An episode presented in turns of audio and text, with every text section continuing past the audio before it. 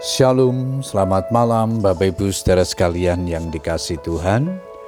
Kita mengucap syukur kepada Tuhan yang sudah menyertai kita sepanjang hari ini dalam ibadah di gereja kita maupun di dalam setiap aktivitas kita. Malam hari ini sebelum kita akan beristirahat, kita akan datang kepada Tuhan, menaikkan ucapan syukur dan doa-doa kita namun sebelumnya kita akan merenungkan firman Tuhan yang malam ini diberikan tema Jangan bebal. Ayat mas kita di dalam Mazmur 53 ayat yang kedua. Orang bebal berkata dalam hatinya, Tidak ada Allah, busuk dan jijik kecurangan mereka. Tidak ada yang berbuat baik.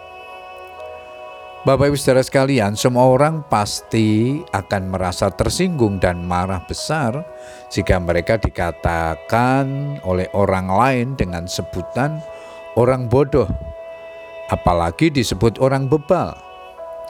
Dalam teks aslinya kata bebal diartikan sebagai orang yang bodoh, jahat, dan tidak menghormati Tuhan.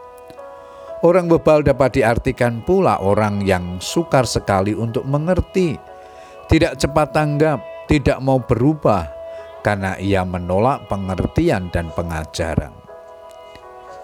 Kita secara terang-terangan tidak mau disebut bebal, namun dalam praktek kehidupan sehari-hari, sadar atau tidak, kita sering kali berlaku seperti orang yang bebal Penulis Amsal secara gamblang menggambarkan keberadaan orang bebal sebagai orang yang emosinya sangat labil. Emosinya tak bisa dikendalikan sehingga amarahnya mudah sekali meledak-ledak. Orang yang hanya ingin didengar oleh orang lain karena merasa diri paling benar.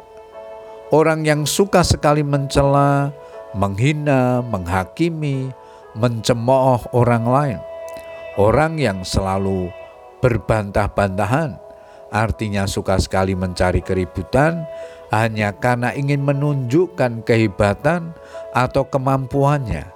Orang yang suka sekali memfitnah atau mencari-cari kesalahan orang lain. Jelas sekali menunjukkan bahwa orang yang bebal adalah orang yang tidak takut akan Tuhan. Tak menganggap Tuhan itu ada, Beruntukah orang yang berlaku demikian? Firman Tuhan memastikan bahwa hidup mereka tak luput dari hukuman, dan yang lebih mengerikan lagi adalah mereka mengalami penolakan dari Tuhan.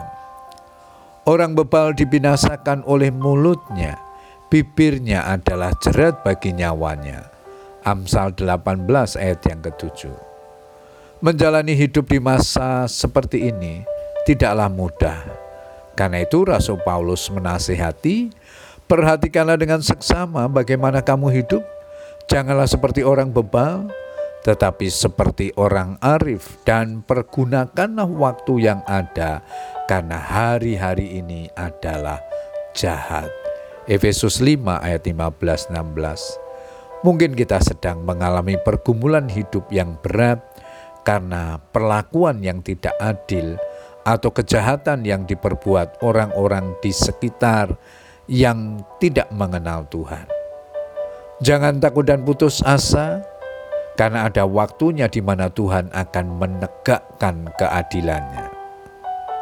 Oleh karena itu, jangan sekali-kali berlaku bebal, karena orang bebal tidak luput dari hukuman Tuhan.